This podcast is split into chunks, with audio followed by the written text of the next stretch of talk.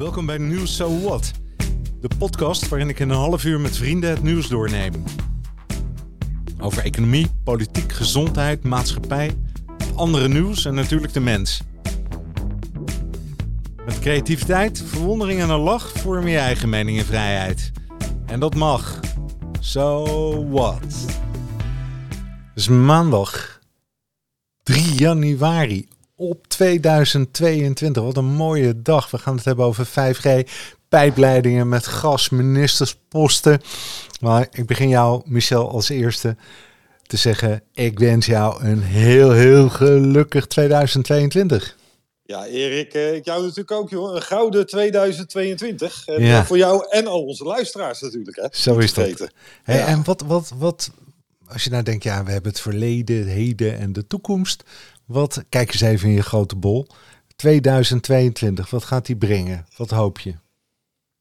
Ik ga in ieder geval mijn eerste weddenschap uh, al winnen voor jou uh, dit jaar. Oh. Dus dat, uh... dat is dan niet zo mooi.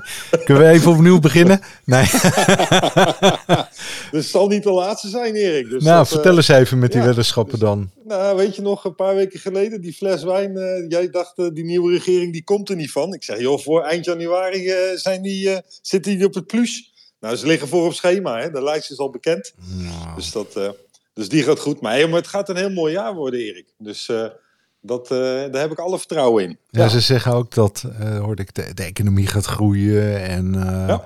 wauw, harder dan we verwacht hadden zelfs. In het donkerste, donkerste scenario. Maar ja, dat, dat, hè, dat zijn ook allemaal rare voorspellingen. Want ik, ik kan me dat gewoon niet voorstellen, dat de economie groeit en Um, wij, voor zover dat belangrijk is trouwens, hè, maar wij zelf niet groeien. Vind je dat, hè, dat vind ik raar. Ik groei zelf nee. helemaal niet als mens. nee. nee, maar, maar de, de economie wordt natuurlijk zwaar. Uh, en economische groei is natuurlijk maar heel relatief. Hè? Want dat is ten opzichte van het jaar daarvoor. Ja, als je net twee uh, hele magere economische jaren hebt gehad. Ja, dan dat is net zoiets als dan heb je een drie gehad op school. En dan zeg ik, ik ga het volgend jaar beter doen. Dan ga ik een vier halen. Ja, daar heb je nog steeds niks aan. Maar het is wel beter. Nee. Ja, is zo. Dus, uh, nee, joh, dat, en ik vind het veel belangrijker. En ik hoop dat dat, uh, dus als ik zeg een, een beter 2022, dan denk ik vooral ook dat we wat meer uh, hè, op alle gebieden, hè, het, het, dat iedereen het een beetje beter krijgt. Ja. En dan veel meer op sociaal gebied, dat we elkaar ook weer een beetje helpen. En leren van de afgelopen tijd, dat met dat het weer een stapje beter gaat, we ook dingen ja, voor elkaar beter kunnen doen dan daarvoor. Wat toch veel een ikke-ikke-ikke-tijd was, hè, vond ik. Ja, zeker. Hugo keert niet terug in kabinet Rutte 4 als coronaminister. Zo wordt hij, zo wordt hij graag genoemd, denk ik. Hè. Dat vind ik ook zo raar, maar vooruit. Hij keert niet terug. Ben je er blij mee? Nou, Erik, hij keert natuurlijk wel terug, maar nou. niet als, uh, uh, als minister van Zorg. Nee. Dus ja, dit is weer zo'n krantenkop, uh, hè, dat is weer lekker suggestief. Hij, hmm. hij gaat uh, naar de core business. Hij, uh, nee, nee, dan zou hij naar onderwijs gaan. Dat waren ook de geruchten. Ja. Um, nee, maar hij gaat gewoon lekker uh, naar, naar wonen. Hè? Dus volkshuisvesting. Dus hmm. nou ja, ik, hè, ik vind het prima. En er zijn, ik vond twee interessante nieuwe benoemingen, Erik. eentje was op zorg, hè? de opvolger dan, we zeggen, van de jongen. En de tweede was op onderwijs. Ja. Dus uh, dat waren twee nieuwe gasten die niet uit de politiek komen. Dat ik dacht, nou, ze komen toevallig allebei uit de D66-hoek. Uh, weet jij wie dat zijn, Erik? Ja, natuurlijk weet ik dat. Dat is Kuipers natuurlijk, hè? Zeker. En, uh, en onze hoogleraar van Princeton voor onderwijs. En daar heb ik ook wel een goed gevoel bij. Maar ik denk wel dat hij voor de leeuwen gegooid gaat worden. En misschien wel allebei. Dus het is interessant om die twee eens even, hè, Dijkgraaf, en die, die twee eens even bij door te vatten. Maar eerst wil ik um, toch nog even over, over uh, de jongen. Denk jij in het algemeen dat, ach, een minister die kan hier zitten en die kan daar zitten. En het maakt bijna niet uit op welk ministerie die zit. Dat, is, dat is bijvoorbeeld iets wat mij opgevallen is. Um, je moet blijkbaar dus helemaal geen verstand hebben van wonen, maar je moet verstand hebben van, nou, ik zou niet weten wat, maar wat, wat, waar, waar moet je dan verstand van hebben om te slagen als minister? He, dus je kunt ja. bij coronacrisis is te lijf en uh, daarna ga je wonen doen. Maar ik, ik, ik zie dat gewoon niet. Of je zit bij justitie. Daar komt iemand op te zitten die niet eens, weet je wel, een basale rechtenstudie heeft gedaan.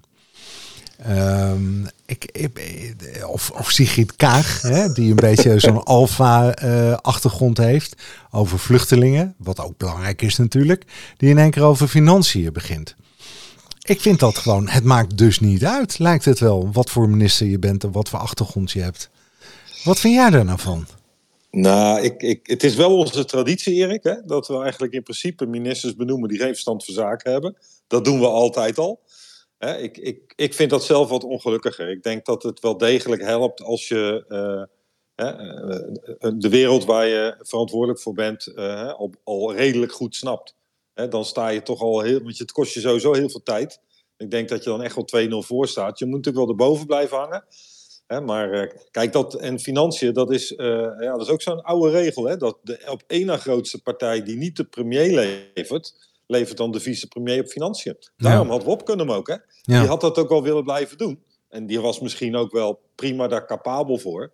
Maar ja, die, dan had de CDA de tweede partij moeten zijn. Dan had die hem gekregen. Dus je ziet dat die verdeling over die. Uh, hè, en we hebben natuurlijk weer vier partijen. Daarom hebben we ook vier, heel veel ministers. Zodat we dat een beetje. Hè, kon iedereen zeggen: Ik heb toch zoveel ministers.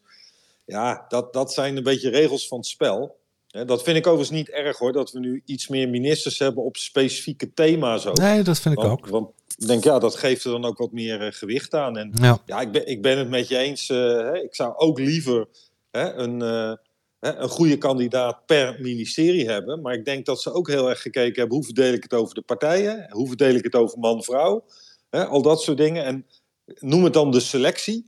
Hè, dat is denk ik, die is wel aardig uitgebalanceerd op dat soort criteria. Dus dan mm. is het misschien net als met voetbal, Erik. Misschien dat niet het team met de beste individuen wint. Maar wel als je het beste team met elkaar speelt. En, en Robert Dijkgraaf is dan misschien wel de Johan Cruijff. Ja. Van vroeger van Ajax. Die is vanuit het buitenland succesvol geweest. En hè, nou, ik weet niet of hij in de nadagen van zijn carrière zit. Maar ik denk dat we blij mogen zijn dat hij hè, hier prioriteit aan geeft om in uh, mee te gaan doen. Ja, maar, je, je, maar met voetbal is het toch wel zo dat je denkt, nou ja, ik ga de keeper toch niet bij de middenstip zetten. Hè? Nee. Hè, toch? Dus het maakt toch wel degelijk uit op welke positie je speelt. Maar goed, nu, ja. Kuipers. um, hij komt van het landelijk netwerk acute zorg. Erasmus uh, zit hij, of is hij voorzitter van, als ik het goed heb. Um, denk je iemand die we, waar we al anderhalf jaar naar geluisterd hebben, dat die een, een nieuw elan zou kunnen brengen.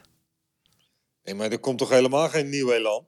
Wat, oh, wat, uh, wat, dat is een nieuwe. naïviteit is dat dan weer, joh? Nee, maar, we hebben toch een nieuwe bestuurscultuur, een nieuwe frisse start, een nieuwe... Nee joh, dat, dat, we hebben toch gewoon uh, hè, oude wijnen, nieuwe zakken. En maar ja, dat, het, het, is wat het is. En wij, wij als kiezers verdienen ook niet meer, want wij kiezen toch dezelfde oude wijn. Ja, hè? elke keer oude zakken zelfs nog. Dus dus ik zeg, dat is ons probleem. Wij zijn zelf niet in staat als kiezers om met ons stemgedrag voor een nieuw elan te kiezen.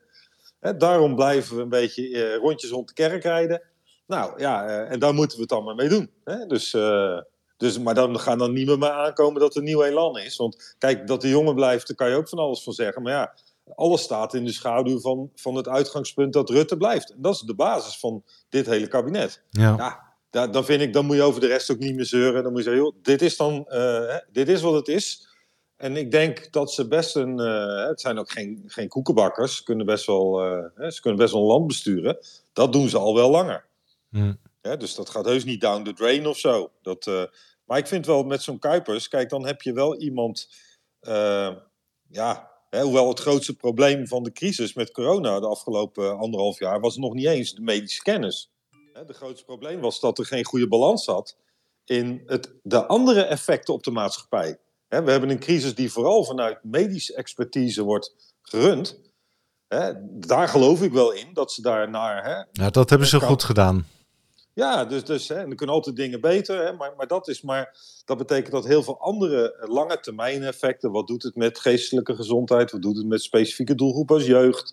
Ja, daar hebben ze helemaal niet naar gekeken. Onderwijs. Nee, dat, dat, hm? ja. Dus dat, dat is meer het probleem. En dat gaat Kuipers niet oplossen. Maar goed, daar is hij ook niet voor verantwoordelijk in zijn rol. Hè, want hij is natuurlijk gewoon, hij wordt verantwoordelijk voor de zorg. Ja. En ik denk wel, wij hebben gewoon, kijk naar die, die wat kortzichtige discussie in de Tweede Kamer over het budget voor de zorg.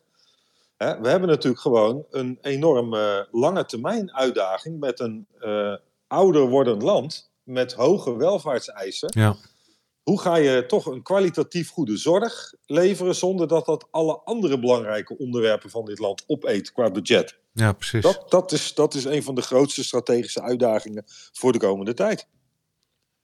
Ja, nou, ik denk wel dat het helpt dat er iemand uit de markt komt, om maar zo te zeggen, die dan Zeker. minister wordt.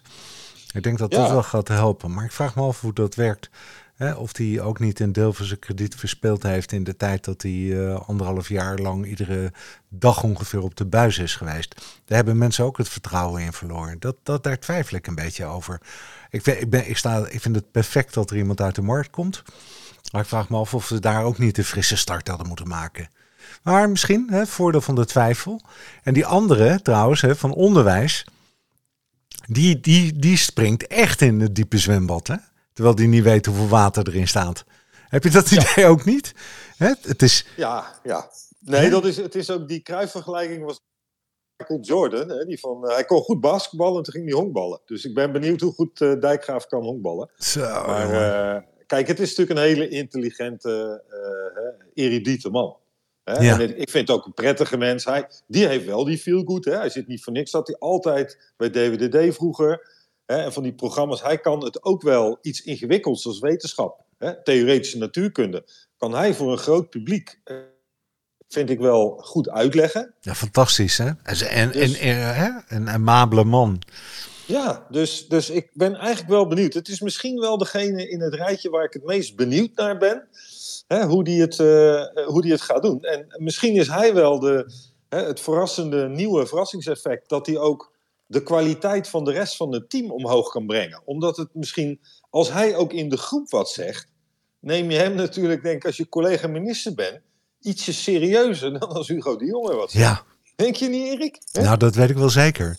Want ze denken nu, uh, hey, um, als, als hij gaat klagen, hè, om maar zo te zeggen, hij heeft, hij heeft zo'n grote reputatie, en dan is het toch echt wat los. En dan laten we maar gaan luisteren. Hoorde ik net trouwens dat die Anke Bijleveld, die, die zat bij uh, Sven Kokkelman vanochtend. Ja, ja. Oud-minister van Defensie. En zij was de enige die uh, Rutte op de vingers durfde te tikken en hem te corrigeren. Omdat ze zei, uh, hij liet vrouwen nooit uitpraten in de ministerraad. en die Bijleveld zegt, ja, ik was toch een beetje de oudste hier. Ik dacht, nou, dat ga ik wel durven. Ik zeg, meneer, meneer Rutte, wilt u ook die andere ministers, die vrouwelijke ministers, laten uitpraten? Nou ja, kijk, dat gaat met die dijkgraaf niet gebeuren, hè? Die laat hij wel uitpraten. dat denk ik ook, dat denk ik ook. Ja. Oh, lachen joh. Hey, en dan hebben we nog... Uh, tot zover de ministerspost en we gaan het zien. Of uh, wil je er nog wat over kwijt? Nee, we gaan het vooral zien, Erik. We gaan het zien. Ja, precies. Oké, okay, de pijpleidingen met gas. Ik dacht, nou, dit is toch ook een bak, hè? Ik las een artikel. Uit nu.nl was het, hè? Het gas dat normaliter door de Jamal Europe pijplijn van Rusland naar Duitsland stroomt. Ja, ben je er nog bij? Gaat nu al voor de veertiende dag op rij de andere kant op. ik denk, ik zie dan ook die mensen zo staan bij die pijplijn. Dat is toch ook raar? Hè? Hij stroomt zo de andere kant op. Dat klopt helemaal niet. Oh, klopt dat niet? Nee. Wat krijgen jullie dan binnen? Nou ja, wij niet. Oh, hier in Duitsland is dan... Oh ja, we hebben zo weinig gas om op te koken. Oh, is dat zo? Nou, het stroomt hier de kamer uit bijna. Het stroomt de andere kant op. Dit is toch een verhaal van niks. Zie je wel? Ik krijg, ja, ik krijg zo'n beeld van zo'n, uh, je kent het wel, zo'n zo'n zo'n schipje wat aan het zinken is, waar steeds meer water in komt. En dat ze dan met van die emmertjes dat water naar buiten aan het... Maar dat het hier is, dat schipje zinkt ook, komt steeds meer water in. En ze gaan van die emmers uit het meertje water halen en in het schipje gooien of zo. Hè? Ja. Uh, ja, het is... Uh, goed, er zit natuurlijk een heel ingewikkeld verhaal achter. Hè? Je hebt het, en het verhaal van die tweede pijpleiding. Dus blijkbaar willen zijn ze die aan het, aan het opstarten en zeggen ze dan dat ze daar ook druk voor nodig hebben, waardoor bij de andere pijpleiding wat druk wegvalt. Ja. Noem het maar technische redenen. dan heb je het argument natuurlijk van dat wij nog steeds niet echt goed meewerken, wij als Europa, om eigenlijk die technische faciliteiten goed open te zetten richting Europa. We willen, daar zijn we nog steeds Rusland een beetje aan het pesten. Dat lees je niet in zo'n artikel, hè, maar dat is nog steeds niet klaar. En dan stond er wel in dat artikel, en ik, ik weet niet precies hoor wat er van waar is, Erik, maar dat, dan wordt het aan de Duitsers verkocht. Hè, omdat ze dan bijvoorbeeld aan de Polen niet willen verkopen of zo, of er daarmee niet uitkomen. En dan gaan de Duitsers het doorverkopen aan de Polen.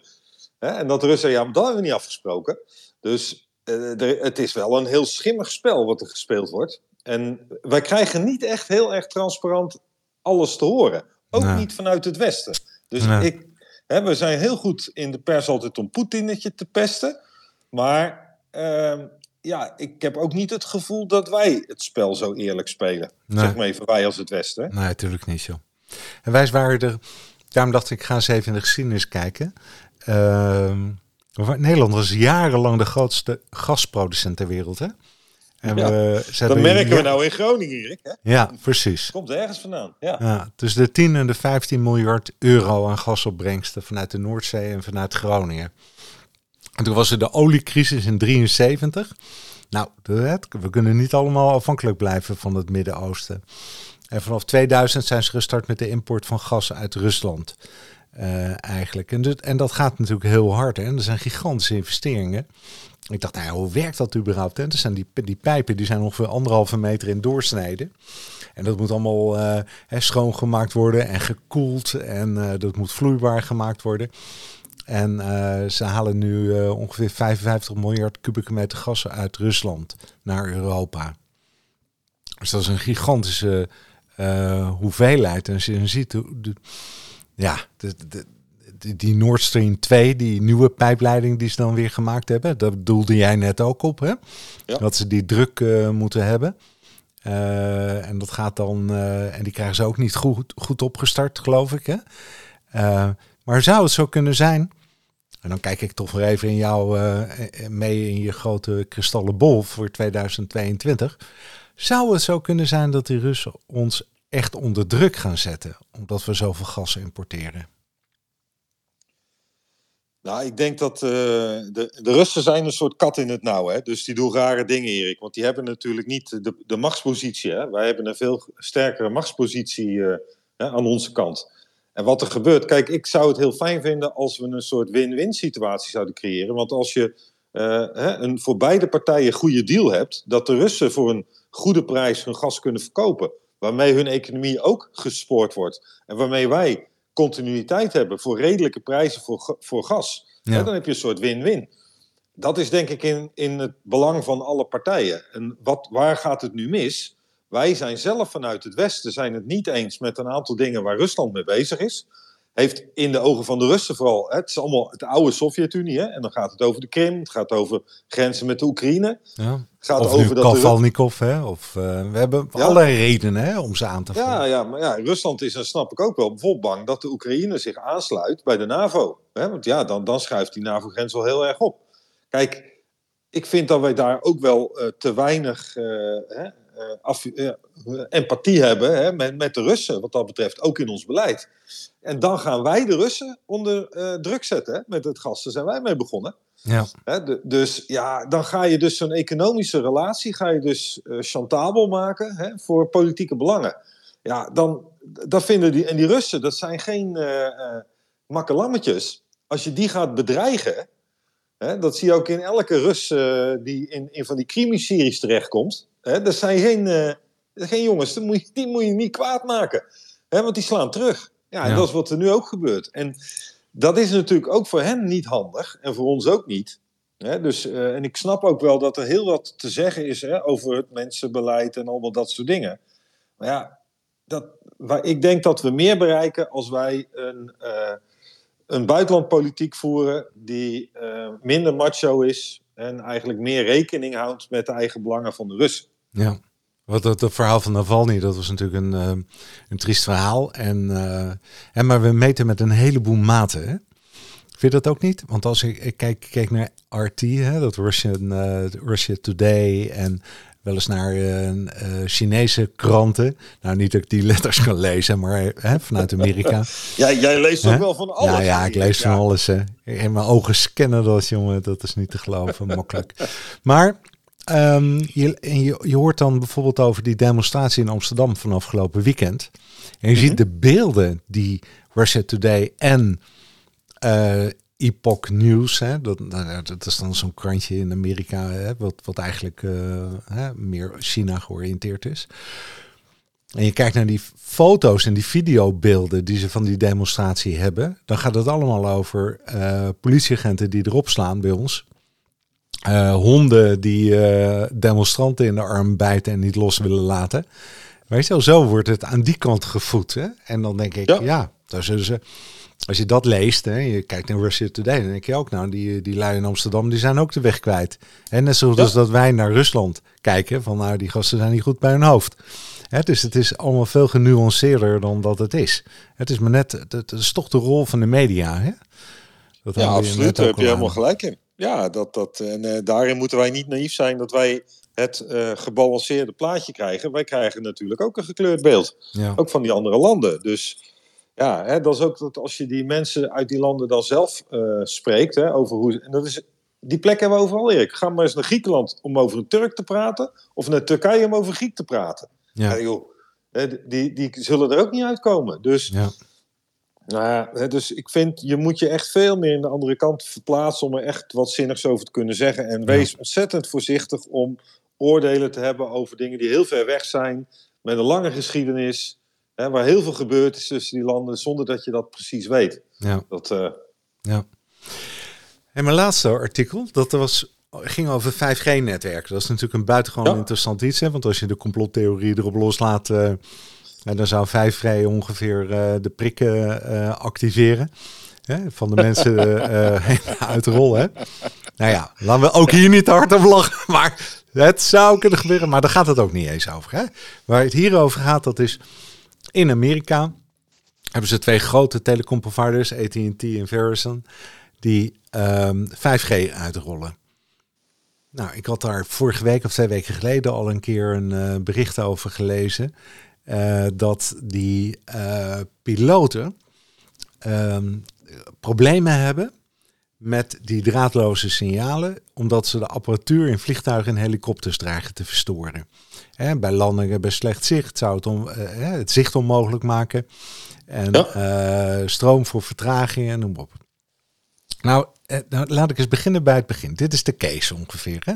Dus piloten klagen en uh, die, die netwerkproviders die hebben miljarden betaald om die netwerken te mogen, draadloze netwerken te mogen uitrollen ik kan me hier nog herinneren dat Mono Keizer ook zei voor de 5G-netwerken en de 5G-uitrol. Nou, iedereen vraagt erom en de consument vraagt erom. Het is allemaal noodzakelijk en de Internet of Things en uh, surveillance. En, weet je wel, bescherming, noem maar op. Dat was allemaal nodig. Dan verwacht je toch dat um, voordat er toestemming gegeven wordt, dat je 100% zeker weet dat er geen verstoringen zijn en dat het veilig is. Zeker. Ja. Vind je dat dan niet verbazingwekkend dat zo'n uh, telecomprovider uiteindelijk zegt, nou ja, laten we het dan maar zes maanden uitstellen in Amerika om in de buurt van de luchthavens 5G uit te rollen. Dit is toch, dit is het begin van de ellende, of niet? Nou, nou ja, zo'n uh, provider gaat daar natuurlijk niet over. Hè? Dus uh, de overheden gaan over die nemen de beslissing of iets wel of niet mag hè, op dit soort onderwerpen. Ja. Hè, dus uh, kijk, en, en waar we ook wat te makkelijk uh, overheen stappen, zijn al die miljarden die wij als overheden dan voor lucht uh, hebben ge, gekregen. Hè? Ja. Hè, dus wij schakelen, wij zadelen een hele industrie op hè, met hele grote investeringskosten. Hè, terwijl ze nog moeten beginnen met de echte investering. Hè, het, het ontwikkelen van al die technologieën en het uitrollen van die netwerken. Dat zit allemaal niet in die luchtprijs. Nee. Kijk, en ik denk, ja, dat, Erik, dat is een beetje part of the game met nieuwe technologieën. Je weet nooit van tevoren precies. Hè? Pas als je verder in je ontwikkeling komt, kun je pas dingen gaan testen. En, en ik vind dat het superbelangrijk is dat het zeer veilig, hè? veiligheid staat voorop. Dus ik vind het ook terecht dat we dit soort dingen dan uh, gaan uh, vertragen. Hè, waarbij ik ervan uitga hè, dat we die tijd gebruiken hè, om te kijken hoe we tot een veilige, werkzame situatie kunnen komen. Lukt dat in die zes maanden nog steeds niet, dan wordt het opnieuw vertraagd. Net zolang tot het veilig kan zijn. En als het nooit veilig wordt, gaan we het nooit gebruiken. Hè, zo zit ik erin. Ja. Hè, ehm, ja, maar, maar, je weet ook niet, hè, want misschien zijn er ook wel manieren om het weer net door het anders te organiseren hè, of andere tegenmaatregelen te doen, dat je het weer veilig kan krijgen. Dus ik ga ervan uit, ze kunnen zoveel, de belangen zijn zo groot hè, met dit soort bedragen. Hier worden hè, de, de beste jongens van de klas opgezet. Ja, dus, uh, en ik vind eigenlijk dat de overheden dan misschien een gebaar moeten maken richting uh, de uh, bedrijven die die miljarden hebben betaald. Dat, dat zij eigenlijk ook op een bepaalde manier voor, die, voor dat uitstel gecompenseerd worden. Hè, want we noemen het dan maar de, de rentekosten, nou zijn die heel laag. Hè, dus, hè, maar dat je, als er bijvoorbeeld maar een terugverdientijd van een beperkt aantal jaren is voor zo'n vergunning. Dat je zegt, nou ja, die, die maanden uitstel, die tellen we bijvoorbeeld bij die vergunningsperiode weer op. Ja. Hè, dat soort dingen, dat, dat lees ik niet. Hè? Nee. En, Ze hebben elkaar ook in de, in de hè, een soort van houtgreep. Hè? Hè? Catch 22 of zo, hoe heet Ja. dat? Hè, want die, die, inderdaad, die telecomproviders die ontwikkelen 5G omdat de zogenaamde consument daar behoefte aan heeft, of omdat het versnelt, of omdat het, wat voor reden dan ook. Want ze zien daar een verdienmodel in en ze willen hun apparatuur verkopen. Hè? Bijvoorbeeld zoiets. Maar dan bewerken ze de politiek dusdanig dat daar toestemming voor gegeven gaat worden. En die politiek die zegt dan, of de overheid die zegt, ehm, nou het kost wel een heleboel geld als je dat wil hebben. En vervolgens moeten die andere partijen weer zorgen dat ze op de een of andere manier dat geld gaan terugverdienen.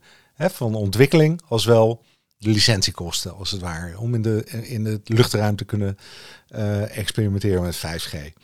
Of experimenteren, het exploiteren van 5G. Het, dit is een, een, een, een, vreemde manier waarin je er uiteindelijk ingerommeld wordt. Hè? Heel ingerommeld, ja, maar Erik, misschien maar, zeg ik dat dit, verkeerd. Dit kennen we toch eh, precies bij 4G en bij 3G. Dat werkte toch precies hetzelfde met die veilingen. Uiteindelijk betalen wij natuurlijk als consumenten exact. en als bedrijven... Ja. betalen we natuurlijk die rekening. Het is gewoon ja. een hele platte belastingsmaatregel. Voor de overheden om hun eigen zak te spekken... terwijl ze daar nauwelijks kosten voor maken, of niet eigenlijk. Nee. Ja, dus dat, wat ook nog een punt is, en dat stond in dat artikel ook, wat het ingewikkeld maakt, er is niet een internationale overheid. Er is niet een internationaal beleid. Dit nee. ging over de brancheorganisatie van de luchtvaartorganisatie in Amerika, tegen ja. de twee grootste partijen in Amerika. En die zeggen ja, maar wat nou als in andere landen, uh, hè, Duitsland, waar T-Mobile een grote positie heeft, hè, die wordt genoemd, als ze daar wel versneld door mogen gaan met de uitrol, ja. dan krijgen zij een concurrentievoordeel. En daar ben ik het ook met ze eens. Ja. En ik denk van, als het nou niet veilig is, 5G, voor die vliegtuigen in Amerika, wat, wat, wat gaan al die andere landen daarmee doen? Want dan is het toch, dan, ik ben maar alleen Erik, maar het lijkt me heel raar dat het in Amerika niet veilig is en Ja. in Europa wel. Ja. Hè? Bizar, dus, dus hè? dit, dit krijgt nog wel een staartje, denk Ja. ik. Ik denk het ook. Dat, dat, daar heb je ook helemaal gelijk in. Maar ja, toen we het een keer eh, hadden over eh, een hele ander product natuurlijk, als het gaat over chemische bestrijdingsmiddelen. Hè, die in Amerika verboden zijn en die in Europa nog gewoon te koop zijn. Hè? En uh, hè, bijvoorbeeld voor onkruidverdelgers. Hè, waarvan ze weten dat die uh, uh, kankerverwekkend zijn. Uh, in Amerika stoppen ze ermee en hier blijven ze doorverkopen. Weet je, dit, Ja, dat, dat, dat is ook inderdaad een rare situatie. Maar ik denk wel dat je hè, vanuit uh, de machtsbalans in markten, economisch gezien, het een hele andere situatie is. Ja. En je moet het per marktsegment, moet je het voor een level playing field ook op die manier beoordelen. En daar hebben ze wel degelijk een punt. Ja.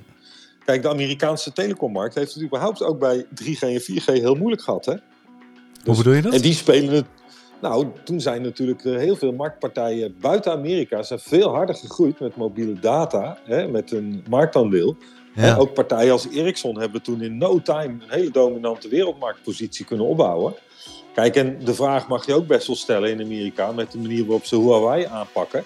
Hè, in hoeverre dat nou echt alleen maar is vanwege spionage en veiligheid uh, hè, gericht op China. Ja. Of dat het toch ook wel een belangrijke concurrent voor uh, Amerikaanse partijen daarmee. En dus het is natuurlijk allemaal zo ondoorzichtig. Hè, maar je, ik vind dat we die, de lobbymacht van het bedrijfsleven moeten we echt drastisch beperken bij alle overheden. Want ik vind dat er te veel detailbeleid, vooral, hè, uiteindelijk heel slim door die bedrijven zo wordt ingericht. Dat al die ambtenaren ook echt nog oprecht denken dat ze daarmee hun beleidsdoelstellingen halen. Terwijl ze gewoon genept worden. Ja. Dat vind ik. Ja. Maar, het is, het is goed dat deze podcast er is, hè? Dat we toch nog eens even de vinger op de zere plek leggen. Hè? Ja, en, en, en, we zien, het is, pas, het is pas de eerste maandag van het nieuwe jaar, Erik. Maar eh, hè, we weten één ding zeker. We zullen nooit tekort hebben aan, uh, aan dit soort ontwikkelingen en nieuws. Hè? Mooie ontwikkelingen. Altijd, ja, ja. Het tegengeluid blijft er zijn. Ja, ja. ja. Oké, Michel, we zijn aan het einde gekomen, jongen. Ik wens jou nog een hele mooie week.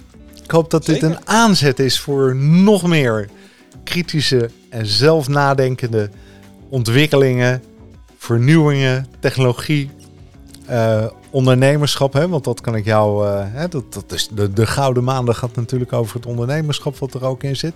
Heb je iets waar je denkt, nou, deze week daar gaan we mee knallen met een nieuw idee of een nieuw product of uh, waar je mee bezig bent?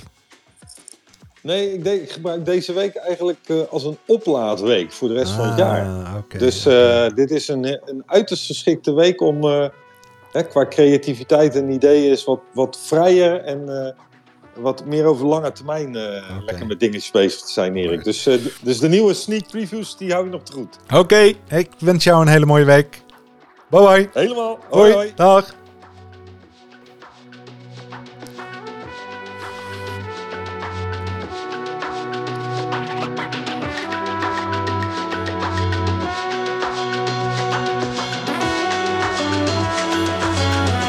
Zo, de kop is eraf. 3 januari. 5G pijpleidingen met gas. Welke richting op? Dat gaan we nog zien. En de ministersposten natuurlijk. All the best.